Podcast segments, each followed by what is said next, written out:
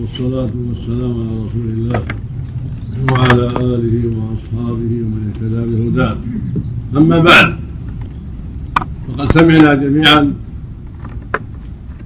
هذه المحاضرة القيمة المكملة لمحاضرة سابقة من صاحب الفضيلة الأستاذ محمد رافع سعيد فيما يتعلق بالتحديات ضد الإسلام. سبق أن ألقى فضيلته.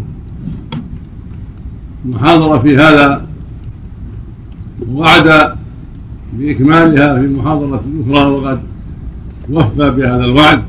فجزاه الله خيرا وضاعف مثوبته وزادنا وإياكم وإياه علما وهدى وتوفيقا. ونفعنا جميعا بما سمعنا وعلمنا.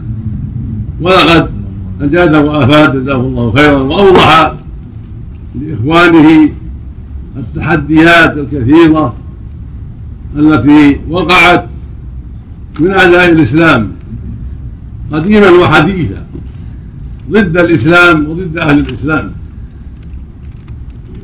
والله سبحانه وتعالى جعل هذه الدار وهي دار الدنيا ميدانا للجهاد والصراع بين الحق والباطل.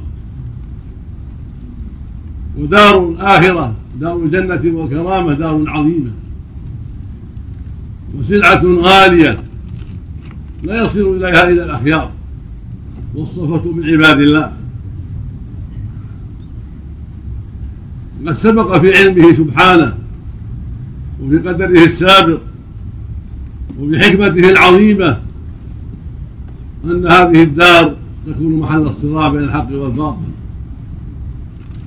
وأنه لا ينال كرامته والفوز بجنته إلا الصابرون الصادقون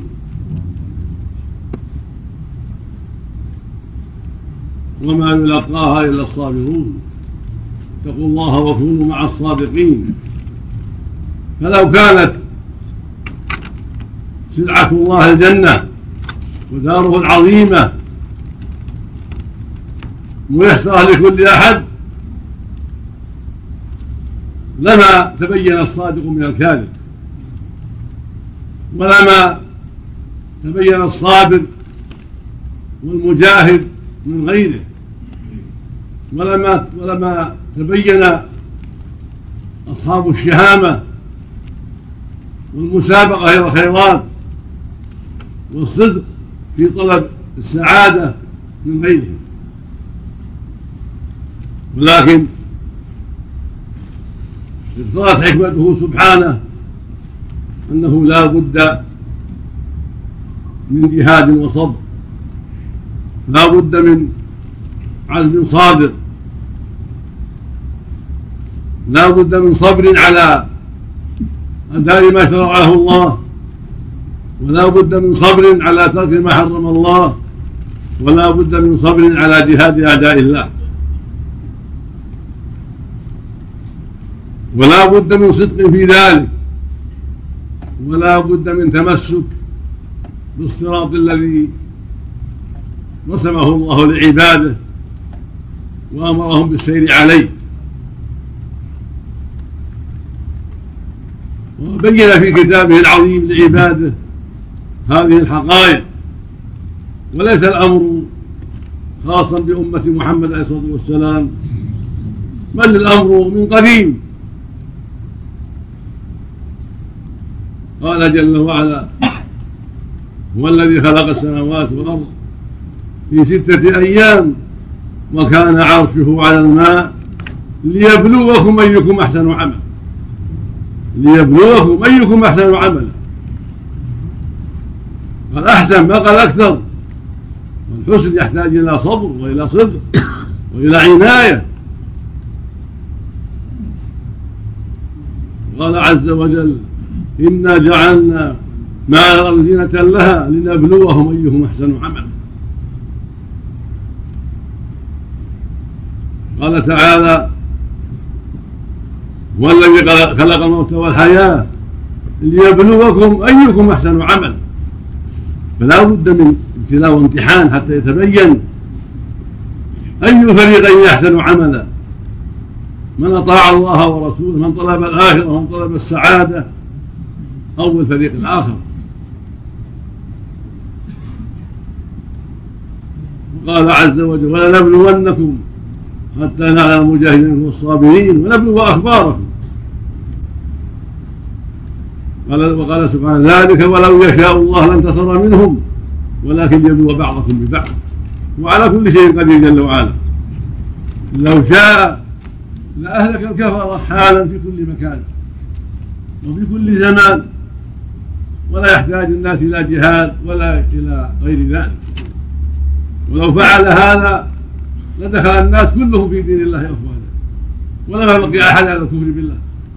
لو كان كل كافر يقصم ويقتل حالا ولا يبقى إلا مؤمن لكان الناس كلهم أمة واحدة.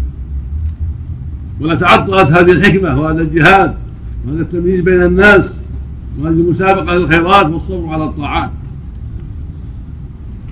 والله حكيم عليم ابتلى عباده بالسراء والضراء والشدة والرخاء وبالأعداء والأصدقاء ليبلوهم أيهم أحسن عمل. فمن صبر وجاهد نفسه لله واتبع أوامر الله ووقف عند حدود الله صار عبده الصادق. وصار إلى الجنة والكرامة إلى جوار الله في دار النعيم.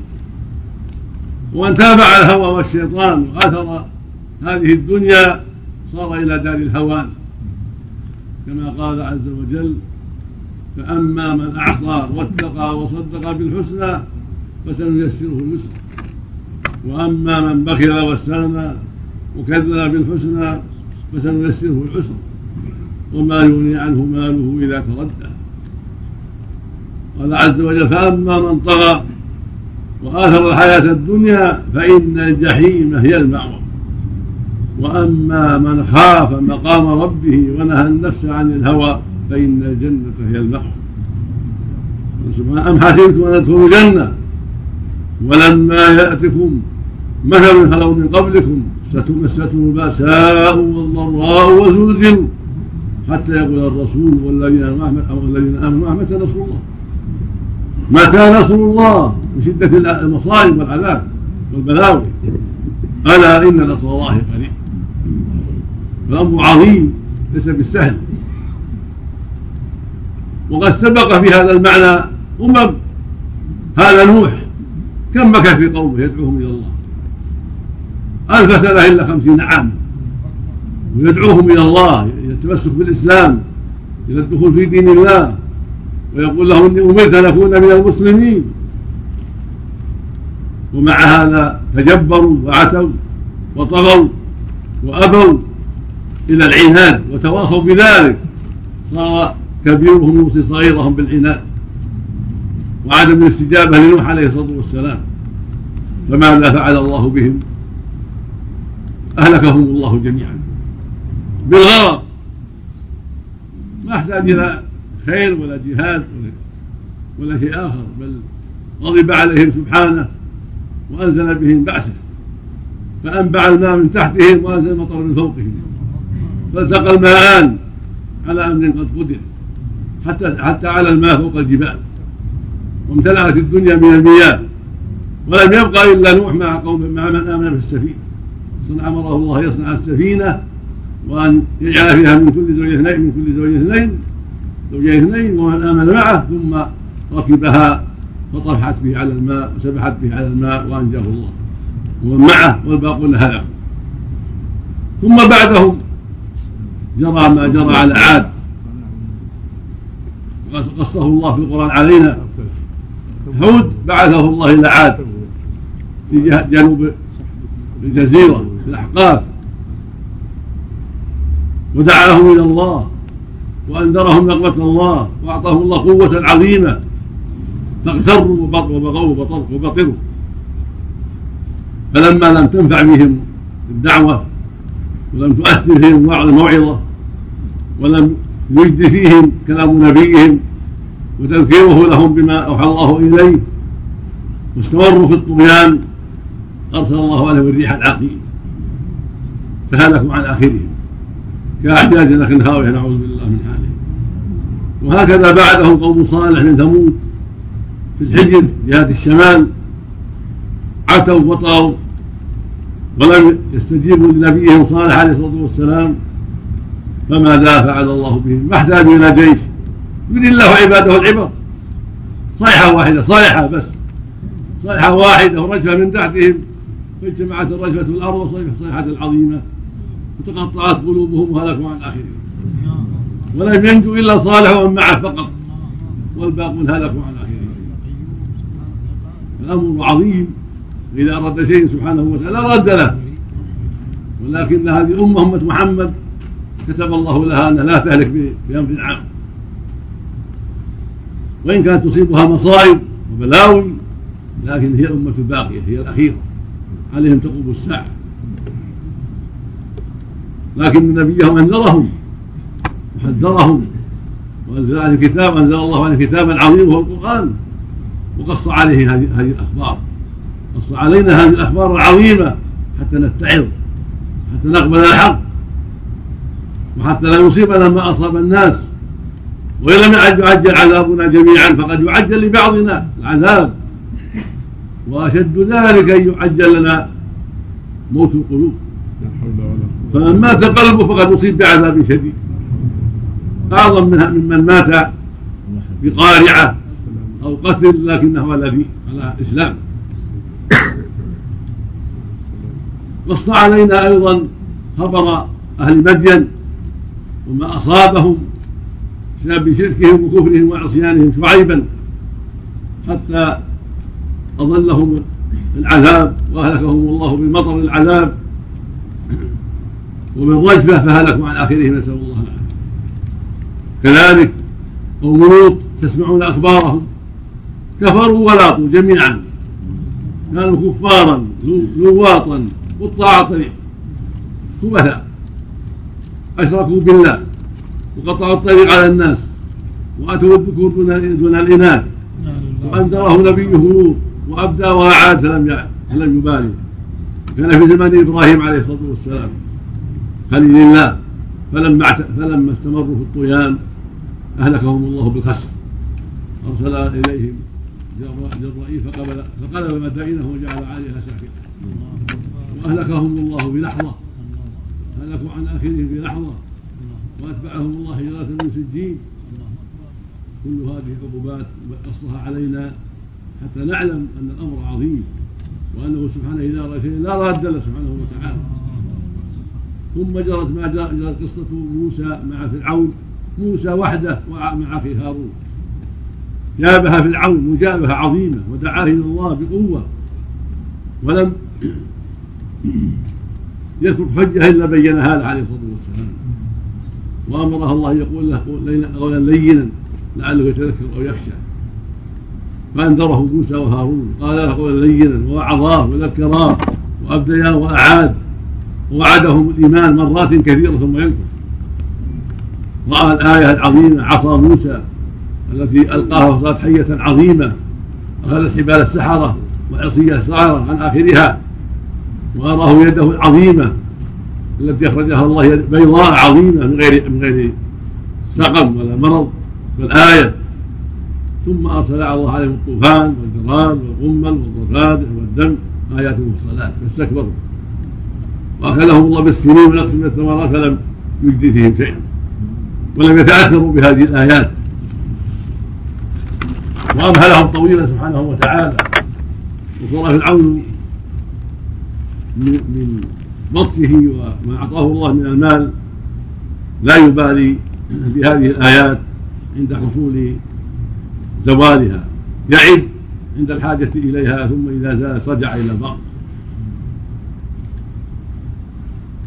فعند ذلك خرج موسى ومعهم بني إسرائيل من مصر مغاضبين لفرعون. فخافهم فرعون. ودعا جنده وتجمع جنده وخرجوا متابعين لموسى وأصحابه كما قص الله لنا خبرهم. فلما تراءى الجمعان قال اصحاب موسى أنا لمدركون قال كلا إن مع ربي سيهدي فأوحينا إلى موسى أن اضرب بعصاك البحر فانفلق وكان كل فرق من الطود العظيم. وأزلفنا ثم الآخرين وأنجزنا موسى معه أجمعين ثم أغرقنا الآخرين. هذه آيات الله سبحانه وتعالى قصها على عباده. هذا فرعون معه الجنود ما لا يحصى جنود لا تحصى. من الرجال والركاب والخيول لا يحصيهم الا الله عز وجل. قوة عظيمة. تبعوا موسى وبني إسرائيل وهم ضعفاء. فالبحر أمامهم. وفرعون ومن ومن معه خلفهم. فخلق الله لهم البحر. لما ضربه موسى بأمر الله فصار فيه طرق 12 طريق لأسباط بني إسرائيل. كل سبط مع طريق. صار البحر هكذا وهكذا يابس كالجدران يابسة. وقائم الماء والأرض يابسة تحته. فلما خرجوا عن آخرهم وانتهوا وأنجاهم الله دخل فرعون قومه. في البحر تابعين لموسى وهارون ولبني إسرائيل. فلما تكامل آل فرعون وقارب بعضهم أن يخرج أطبق عليهم البحر فهلكوا عن آخرهم جميعا. وصاروا كأمس الذاهب نعوذ بالله. هذه آيات عظيمة ونذر لمن بعدهم. ونبينا صلى الله عليه وسلم هو أفضل الرسل وأمته خير الأمم أمة أمة مجيبة مطيعة هي خير الأمم. فالواجب على أهل الإيمان أن يتقوا الله وأن يصبروا وأن تكون لهم عبرة في من قبلهم. فأصحاب الرسول صلى الله عليه وسلم لما عرفوا هذا المعنى صبروا واستقاموا واتقوا الله وصاروا جندا واحدا متحابين في الله رحماء بينهم أشداء على أعداء الله. كما ذكر الله عنهم محمد رسول الله والذين معه. أشداء على الكفار رحماء بينهم. تراءهم ركعا سجدا. يبتغون هدى من الله ورضوانه هؤلاء هم اللي فتحوا الفتوح وأعز الله بهم الإسلام مع قلتهم وقلة عددهم. لكن عندهم الإيمان العظيم والقوة والصبر والشهامة والإقدام حتى فتح الله بهم الفتوح وأهلك بهم كسرى وقيصر ونشر بهم الإسلام وأعز بهم جند الله وعلى كلمة الله سبحانه وتعالى بأسباب الصبر واليقين بأسباب الجد في طاعة الله بأسباب البعد عن محارم الله بأسباب التواصي بالحق والصبر عليه لا لكثرة ولا لقوة فالمسلمون بعدهم كذلك إن سلكوا طريقهم وصبروا واستقاموا نصرهم الله ولو كانوا قليلين. لأن الله قال جل وعلا يا أيها الذين آمنوا إن تنصروا الله ينصركم ويثبت أقدامكم. قال سبحانه ولا ينصرن الله من ينصره. إن الله لقوي عزيز. ثم بين نصر أنه هو نصر الله. قال الذين مكناه الأرض أقاموا الصلاة وآتوا الزكاة وأمروا بالمعروف ونهوا عن المنكر. فنصر الله هو القيام بدينه ربنا ما يحتاج إلى احد سبحانه وتعالى غني عن كل ما سواه. والمقصود بنصره نصر دينه والقيام بأمره والاستقامة على دينه والتواصي بحقه والبعد عما حرم سبحانه وتعالى والتواصي بما يرضي الله. وبما يعين على طاعته سبحانه وتعالى. فإذا استقام المؤمنون واتحدت كلمتهم وبذلوا المستطاع في جهاد أعدائهم نصرهم الله. كما جرى يوم بدر وغيره للمسلمين في العهد الأول. ولما أخل المسلمون بعض الشرك وحصل منهم بعض المعاصي في أحد سلط عليهم العدو وفيهم رسول الله صلى الله عليه وسلم. فيهم الرسول وفيهم الأخيار. أولياء الله أفضل الناس بعد الأنبياء وهم الصحابة. لما جرى من أهل الموقف من الرماة أهل الموقف الذي أمرهم النبي صلى الله عليه وسلم أن يلزموا مكانهم وألا يفارقوه.